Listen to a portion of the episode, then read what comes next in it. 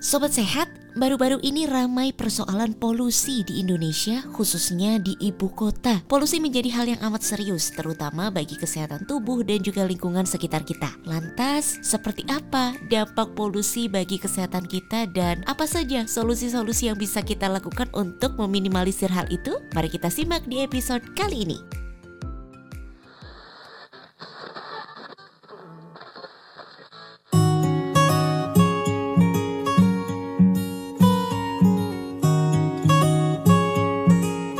Selamat sore Sobat Sehat, perkenalkan saya Morin Karini Satohira yang akan menemani Sobat Sehat untuk ngobrol-ngobrol santai mengenai polusi udara dan bagaimana dampaknya terhadap kesehatan. Tentunya hari ini saya tidak akan sendiri, akan ditemani oleh Pak Aditya Lia Ramadona PhD, dosen Departemen Perilaku Kesehatan Lingkungan dan Kedokteran Sosial, selaku narasumber kita hari ini. Selamat sore Pak Adit. Selamat sore Mbak Morin. Apakah aktivitas hari ini berjalan cukup baik Pak? Ya, cukup baik ya. Oke, Pak. Nah, hari ini kita akan mencoba membahas Pak mengenai polusi udara. Yang sebenarnya permasalahan polusi udara ini kan sudah cukup lama ya, Pak. Saya masih ingat Pak Adit pernah cerita di kelas mengenai kasus polusi udara yang ada di London, Pak. Kalau nggak salah namanya The Great Smoke ya, Pak, ya pada tahun 1952. Yeah. Dan sekarang sampai sekarang kita masih sering menjumpai permasalahan-permasalahan mengenai polusi udara. Dan akhir-akhir ini uh, beberapa media sedang menyoroti ibu kota kita Pak yaitu Jakarta karena dinobatkan sebagai uh, kualitas udara terburuk di dunia Pak. Wah ini kan sangat memprihatinkan kita ya Pak sebagai warga negara Indonesia. Nah mungkin sebelum kita membahas kenapa hal ini bisa terjadi, kalau secara definisi sendiri Pak yang dimaksud dengan polusi udara itu yang seperti apa Pak? Apakah aktivitas merokok ini juga termasuk dalam salah satu aktivitas yang menyebabkan terjadinya polusi udara?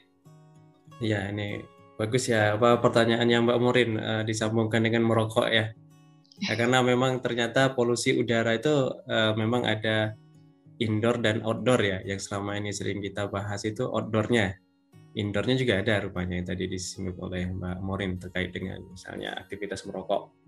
Juga contoh lainnya misalnya uh, apa? Uh, misalnya aktivitas memasak ya aktivitas memasak yang tidak di apa dilengkapi dengan ventilasi yang memadai juga biasa disebut uh, polusi ya indoor uh, household pollution household pollution. Nah terkait tadi pertanyaan tadi sebetulnya apa sih polusi udara ya? Nah sebelum ke situ kita juga harus pertama-tama harus tahu apa itu uh, yang dimaksud dengan udara ambien ya. Jadi udara ambien itu adalah udara uh, udara yang kita hirup sehari-hari. Nah, itu udara ambien. Nah, kapan terjadi polusi udara? Terjadi polusi udara ketika ada zat-zat pencemar yang masuk ke udara ambien itu dengan uh, kualitas yang di atas baku mutu. Nah, jadi uh, kemungkinan uh, ketika kita menghirup uh, udara ambien di sekitar kita itu memang uh, bisa jadi uh, zat pencemarnya sudah ada. Tapi uh, mungkin karena kadarnya masih di bawah baku mutu nah itu tidak tidak menjadi polusi. Karena udara ambien masih bisa menjalankan fungsinya untuk menyediakan apa media untuk kita bernapas nah, jadi seperti itu ya jadi uh, masuknya zat pencemar zat pencemar ini bisa jadi itu bersifat fisika misalnya partikulat ya partikulat atau partikel-partikel gitu ya. Eh, nanti ada ada ukuran yang berbeda-beda sehingga ada yang disebut PM10, PM2,5 tergantung dengan uh, ukurannya. Ada juga yang uh, disebabkan oleh uh, zat kimia ya. Zat kimia banyak sekali misalnya uh, SO2, NO dan sebagainya. Tapi bisa juga dari uh, faktor biologi misalnya dari serbuk-serbuk sari itu ya. Nah kalau kita di Indonesia mungkin jarang uh, mendengar uh, polusi udara dari uh, apa namanya dari faktor biologi ini. Tapi kalau misalnya teman-teman berkesempatan ke luar misalnya ke negara-negara di agak apa trop, uh, subtropis ya uh, sekitar Eropa Eropa sana, ketika musim uh, masuk musim semi itu banyak keluhan uh, terjadi serangan asma itu karena uh, tanaman-tanaman yang uh, mengeluarkan serbuk sari kemudian masuk ke uh, pernafasan dan menyebabkan uh, serangan asma tadi uh, apa memacu memacu serangan asma. Jadi kira-kira seperti itu Mbak Murid. Baik Pak, jadi sebenarnya polusi udara ini ketika uh, kualitas udara yang kita hirup ini sudah ada di uh, di atas bat, uh, di atas batang amba di ambang atas batas, ya. batas uh, yang telah ditetapkan ya Pak ya. Dan tadi juga uh, ternyata aktivitas yang sering kita lakukan sehari-hari tanpa kita sadari juga merupakan uh, source atau sumber dari polusi udara ya Pak. Seperti masak, uh, tadi juga merokok, yang tanpa kita sadari sebenarnya itu juga uh, bisa jadi uh, sumber dari polusi udara. Nah, yeah. tadi kan Pak Adit juga sudah menyebutkan ada zat-zat polutan dari fisika, kimia. Kira-kira nih Pak, polutan yang yang sangat membahayakan bagi kesehatan itu contohnya seperti apa Pak? Uh, sebetulnya banyak ya, cuma ya, saya juga tidak terlalu banyak apa namanya riset terkait hal ini. Uh, beberapa yang uh, pernah menjadi pengalaman uh, sering kami lakukan terkait dengan partikulat uh, Mbak Morin dan uh, Bapak Ibu sekalian. Partikulat uh, khususnya PM 2,5, PM 10 atau apa debu jatuh seperti itu ya. Yang uh, kalau kita lihat ya secara kasat mata debu itulah, debu mm-hmm. ada yang bisa kita lihat, ada juga yang memang uh, apa uh, menaung di di udara. Nah, ini terkait mana yang paling bahaya itu nanti ter, uh, sangat tergantung eh, masing-masing uh, toleransi ya. Toleransi setiap individu itu berbeda. Jadi ada bisa jadi uh, pada satu individu itu tidak terlalu menimbulkan reaksi tapi uh, pada individu lain mungkin terkait dengan usia atau uh, faktor risiko yang dimiliki ya. Misalnya memang sudah memiliki masalah pernafasan nah itu yang bisa uh, membahayakan kesehatan Nah, terkait dengan zat-zatnya sendiri, kalau kita ingin melihat lebih jauh itu uh, agak ada perbedaan. Misalnya uh, di Indonesia sendiri punya peraturan yang menyebutkan bahwa zat-zat polutan yang membahayakan itu ABCD ini. Sesuai misalnya kalau kita melihat para apa sebagai contoh PP berapa ya PP 41 tahun 99 ya kalau belum diupdate. Itu ada banyak sekali namun yang terakhir ini dari WHO juga pada tahun 2021 kemarin mengeluarkan eh, apa namanya satu panduan eh, lebih memfokuskan lima ya lima polutan yang eh, dianggap eh, berperan besar dalam pencemaran udara. Misalnya eh, tadi particulate matter kemudian ada juga ozon kemudian nitrogen dioksida sulfur dioksida dan karbon monoksida. Ya Uh, jadi uh, kira-kira seperti itu mungkin uh, yang bisa saya uh, sampaikan Mbak Umar. Baik Pak Adi, jadi sebenarnya untuk uh, zat atau polutannya sendiri juga tergantung dari kondisi lingkungan. Setiap negara berbeda-beda ya Pak ya? Iya, jadi jangankan tiap negara, tiap daerah itu juga kalau di Indonesia hmm? bisa membuat standar sendiri Mbak Morin. Hmm. Uh, misalnya Indonesia uh, tingkat nasional ada level tertentu Nah, daerah bisa membuat level sendiri. Nah, tapi biasanya level daerah itu harus lebih ketat daripada level nasional. Misalnya level nasional eh, ambang batasnya 10 ya. Kalau daerah mungkin harus 5 atau 7 seperti itu. Jadi Oke. seperti itu Mbak Muru. Baik, Pak. Tadi Bapak juga menyebutkan mengenai uh, dampak kesehatannya kan setiap orang beda-beda nih Pak. Uh, tadi hmm. Pak Adit menyebutkan tergant bisa juga tergantung dari usianya dan penyakit uh, atau penyakit yang uh, riwayat penyakit dari uh, dari individu tersebut. Nah, kira-kira ada kelompok yang rentan terhadap polusi udara ini kelompok apa saja Pak? Iya, uh, biasanya uh, rentan itu tidak cuma untuk polusi udara ya, untuk penyakit yang lain juga biasanya kelompok rentan itu uh, ibu hamil. Ada beberapa penelitian menyebutkan bahwa uh, ibu hamil adalah kelompok yang rentan terhadap uh, polusi udara juga uh, bayi, anak kecil, kemudian lansia, kemudian orang-orang yang memang uh, punya riwayat masalah pernapasan. Uh, ya, kurang lebih seperti itu Mbak Mori. Baik, jadi jika sobat sehat di keluarganya ada anak kecil atau ada keluarga yang punya riwayat sakit pernafasan perlu dapat perhatian khusus ya Pak untuk yeah. selalu mengecek kualitas udara di sekitar kita apakah sudah cukup aman untuk beraktivitas di luar ruangan atau tidak. Iya, yeah. Baik Pak, sekarang kita coba uh, membahas kasus polusi udara di Indonesia. Sebenarnya seberapa parah sih Pak kalau misalnya kita lihat nih polusi polusi udara di Indonesia? Iya di Indonesia sendiri. Uh, di Indonesia sendiri kan sebetulnya bervariasi ya Mbak Morin ya.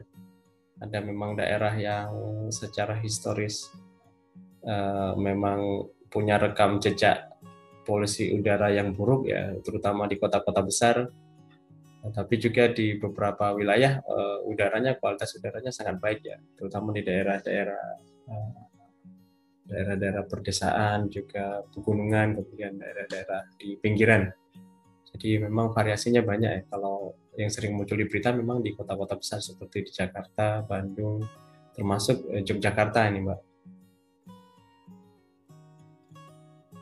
Wah, jadi Yogyakarta termasuk yang ke dalam mana nih Pak? Yang kualitas udaranya baik atau yang yeah. kualitas ada udaranya uh, yeah. di bawah batas ambang Pak? Iya. Yeah. Kalau Jogja sendiri. Eh, kebetulan ya ada berita kurang baiknya kalau kita perhatikan beberapa tren belakangan ini masuk yang kurang baik Mbak Murid. Iya, ada beberapa penelitian juga memang uh, udah agak lama ya, mungkin datanya sudah agak berubah. Uh, disinyalir memang uh, ruang terbuka hijau di DIY atau di Sleman saya agak lupa ya. Di Sleman kalau nggak salah. Di Sleman itu memang agak kurang ya.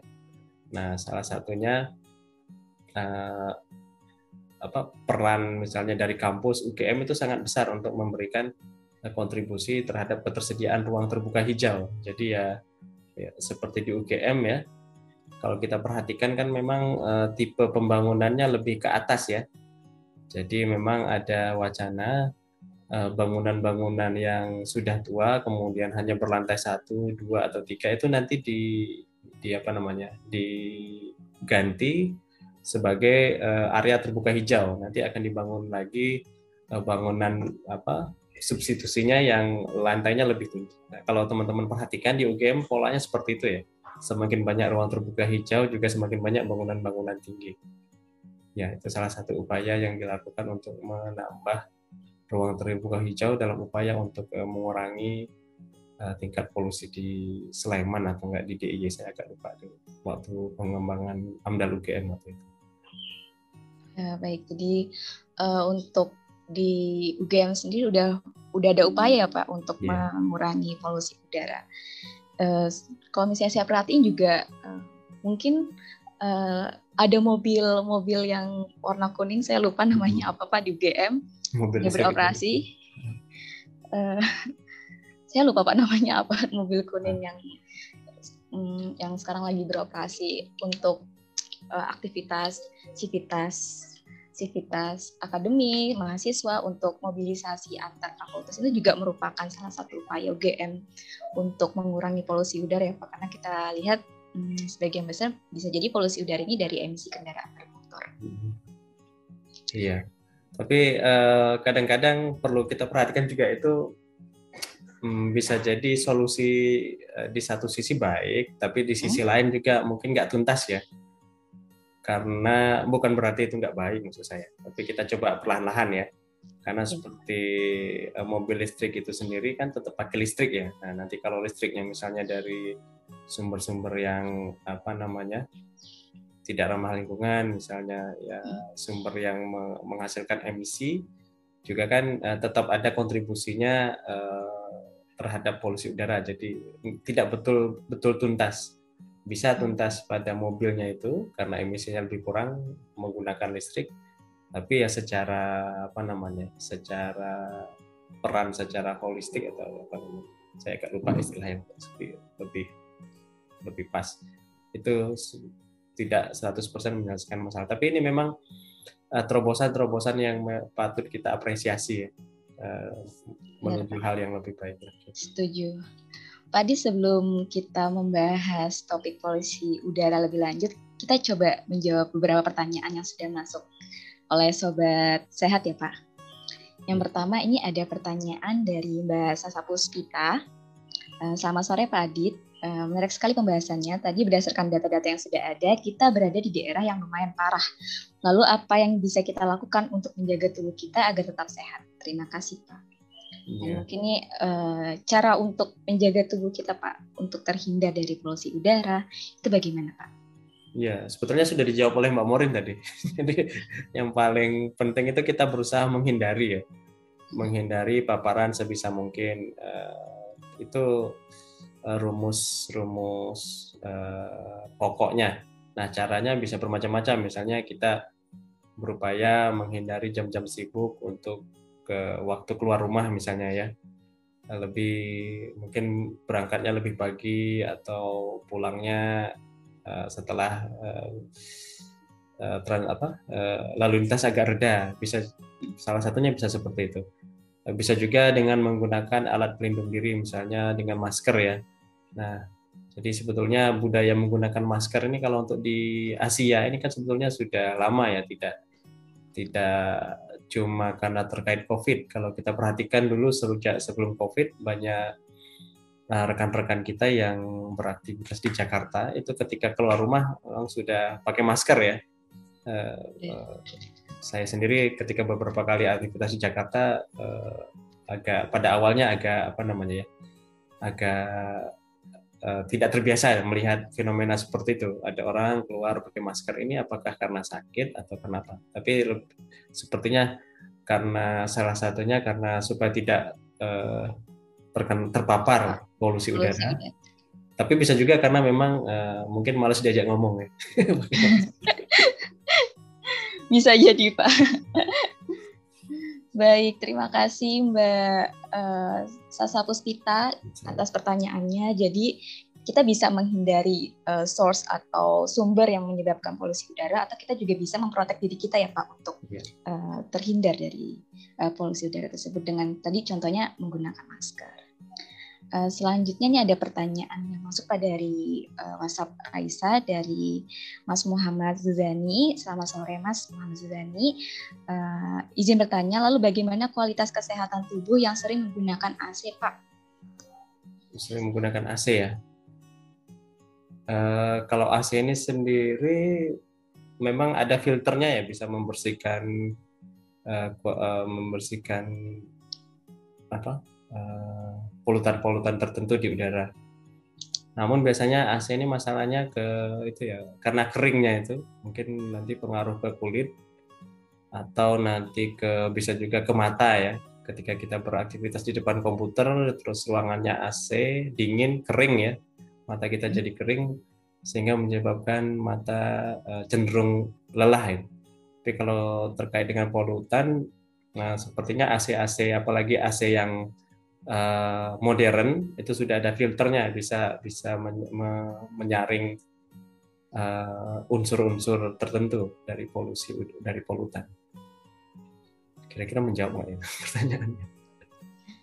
Baik, terima kasih Pak. Semoga menjawab Mas Muhammad Zuzani karena kebetulan tidak ada di ruangan ini Pak. Oh iya. Uh, selanjutnya ada pertanyaan nih Pak dari Mbak Tuti Istiani.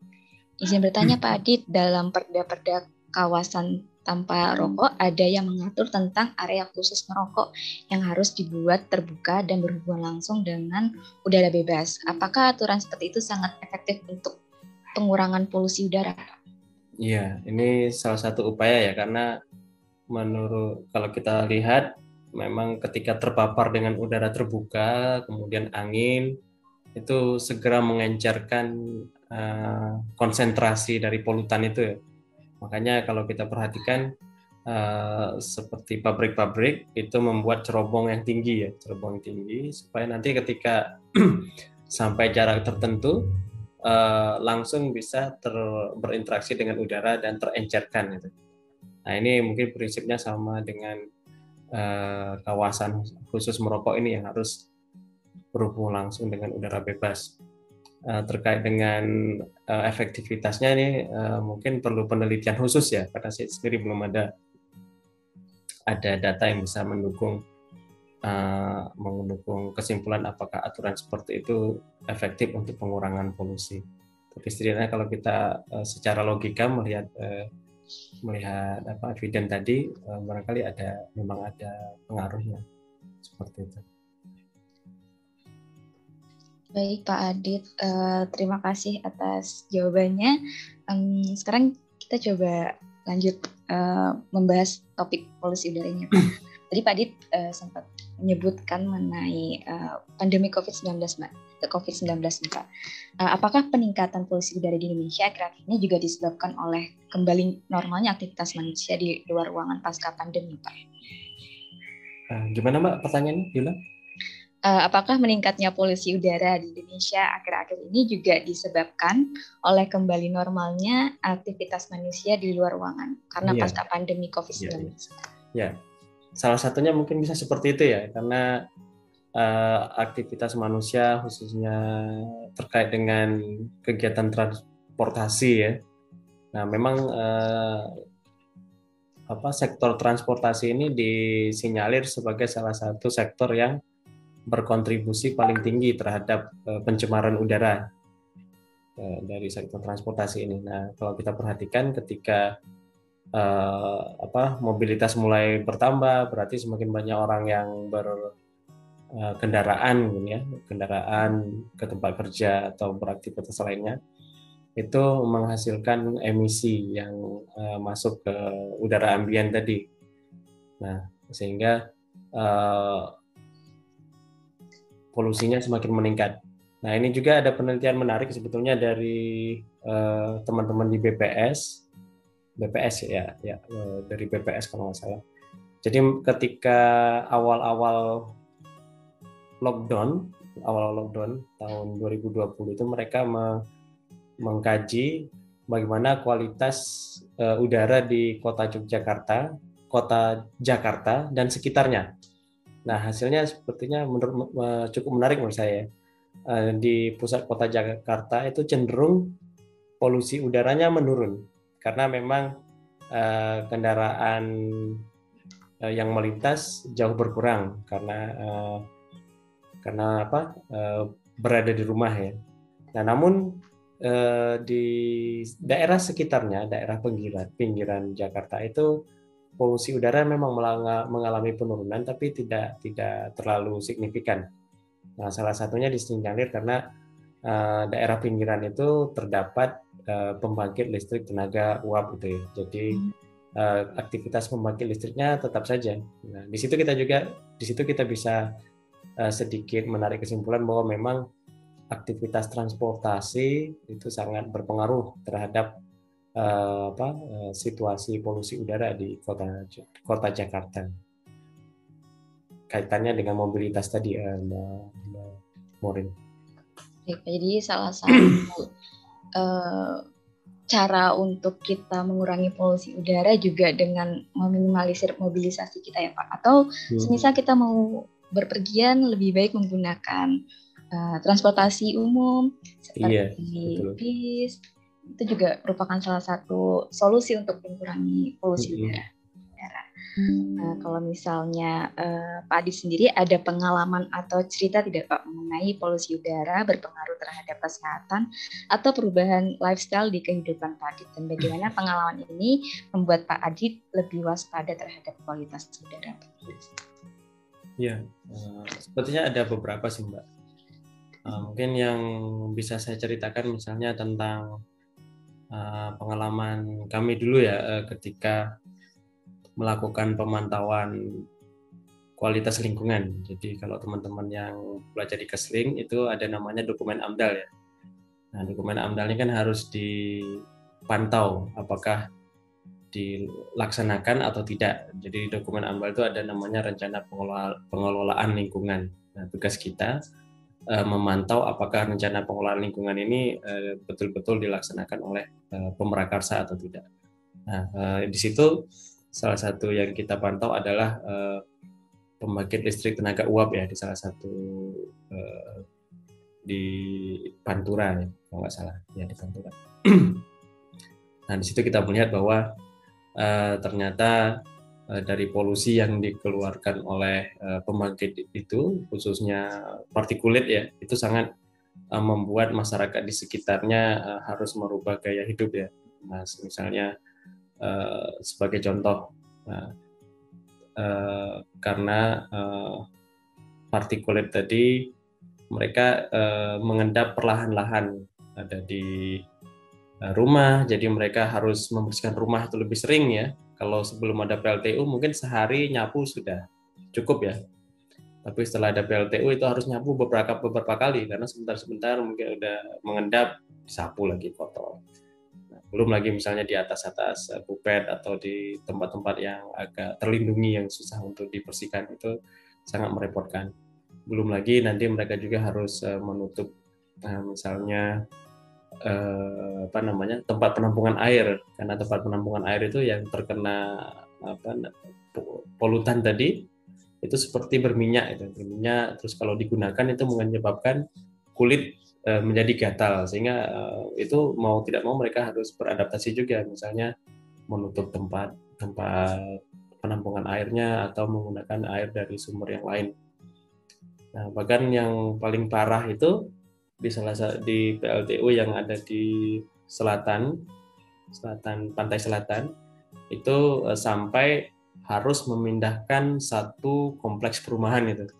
Jadi karena ternyata anginnya setelah dioperasi, anginnya itu berhembus ke permukiman itu tadi. Jadi uh, keluar asapnya, anginnya berhembus, itu betul-betul menuju permukiman. Jadi satu kampung itu direlokasi ke tempat yang baru. Jadi eh, pada tahap yang sangat apa namanya sangat mengganggu bisa seperti itu mengganggu apa eh, kehidupan masyarakat itu salah satu contoh eh, yang telah saya temui mbak Morin. Wah ini ceritanya menarik sekali ya Pak. Saya jadi kepikiran sebenarnya polusi udara ini juga dipengaruhi oleh faktor lingkungan ya Pak. Tadi Pak bercerita uh, arah angin gitu juga uh, berpengaruh terhadap yeah. Iya. uh, polusi udara ya berarti ya Pak ya? Iya, iya betul sekali. Makanya ketika kita membuat studi AMDAL itu harus kita modelkan, misalnya cerobongnya di mana menempatkannya. Hmm. Kalau menempatkannya di sini, tingginya seberapa, nanti kita modelkan sebaran dari uh, debunya itu banyak ke arah mana. Biasanya hmm. seperti itu ada ada kajian khusus juga misalnya uh, sebagai contoh misalnya ini polusi kebisingan ya. Kalau polusi kebisingan juga uh, salah kadang-kadang dimasukkan juga ke polusi udara ini. Nah, misalnya di uh, apa bandara itu juga dimodelkan. Jadi ada area kebisingan area kebisingan bandara. Ada area satu area dua area tiga. Nah di mana misalnya di area satu itu tidak boleh ada sekolah misalnya. Karena Eh, bisa mengganggu proses belajar mengajar. Di area 2 ada ada hal-hal yang tidak boleh ada. Jadi sampai seperti itu kalau pengaruh lingkungan terhadap uh, polusi udara, polusi udara. Oh, baik Pak. Uh, selain tadi um, arah angin, sebenarnya uh, musim, cuaca, suhu udaranya juga termasuk yeah. uh, faktor yang mempengaruhi polusi udara tidak ya Pak? Karena saya pernah uh, dengar ketika setelah hujan udara tuh cenderung kualitasnya lebih baik Pak. Ini benar atau tidak Pak? Hmm, biasanya seperti itu karena uh, hujan itu kan me, me, apa namanya ya uh, uh, melarutkan hmm. polusi udara.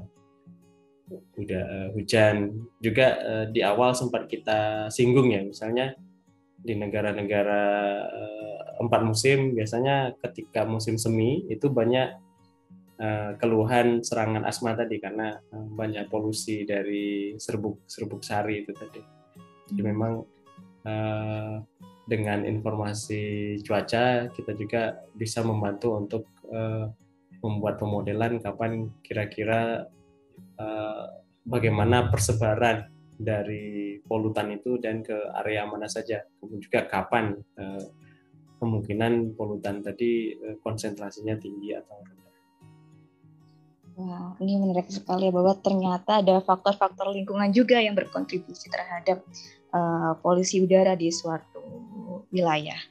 Uh, nah Pak, um, obrolin tentang polusi udara, jadi saya juga uh, ingin bertanya sebenarnya perlu tidak ya Pak kita untuk mengetahui bahwa udara di sekitar kita ini masih dalam ambang batas aman atau tidak dan bagaimana caranya Pak untuk mengetahui bahwa udara di sekitar kita itu masih aman untuk berkegiatan di luar ruangan Pak?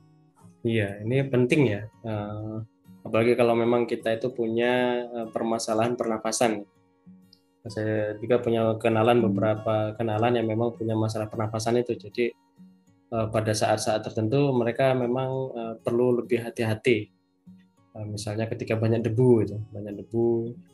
Nah, indikator yang paling mudah ketika kita keluar itu uh, dari apa namanya? dengan menggunakan pandangan ya. Kalau cerah ya mudah-mudahan uh, itu uh, polusi udaranya tidak terlalu tinggi ya. Tapi kalau seperti yang tadi disampaikan oleh Mbak Morin di awal seperti kasus di London dulu tahun 1952 itu kan uh, indikatornya dari kemunculan uh, apa uh, asap sehingga uh, daya, uh, jarak pandang juga sangat berkurang. Misalnya pengalaman saya juga dulu pernah waktu uh, semasa SMA itu ya, semasa SMA dulu uh, ketika kebakaran terjadi kebakaran hutan itu kita waktu itu lagi sekolah ya, tiba-tiba datang hembusan apa uh, asap ya.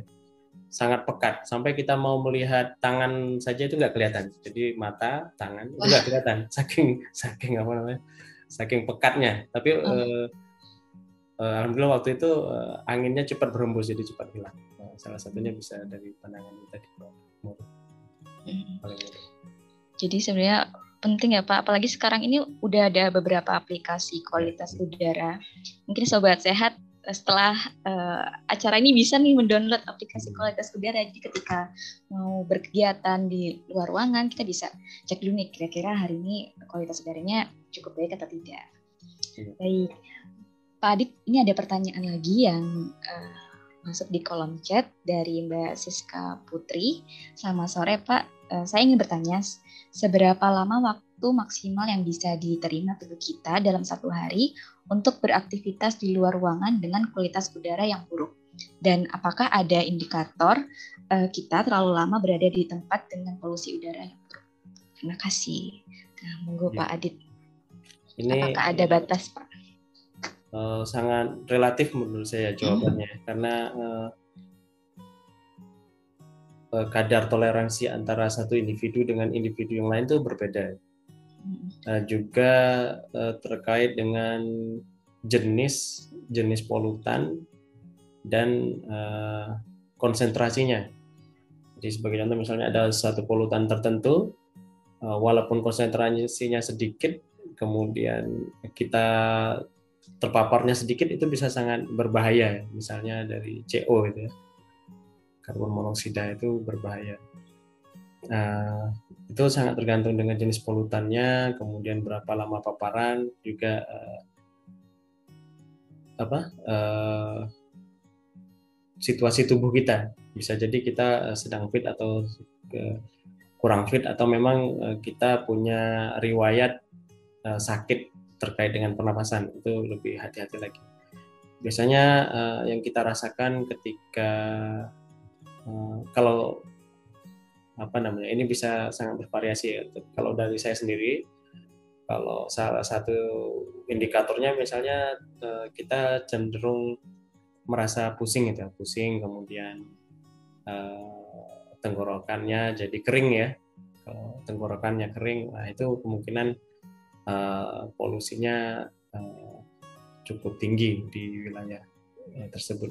Kira-kira mungkin seperti itu Mbak Siska. Mbak Siska Putri ya. Baik, Pak Adi. Jadi sebenarnya untuk dampak dari kesehatan ini banyak faktor yang mempengaruhi ya Pak ya. Selain kondisi tubuh kita, juga tadi jenis polutan dan lama paparannya juga eh, di setiap individu dampaknya akan berbeda-beda.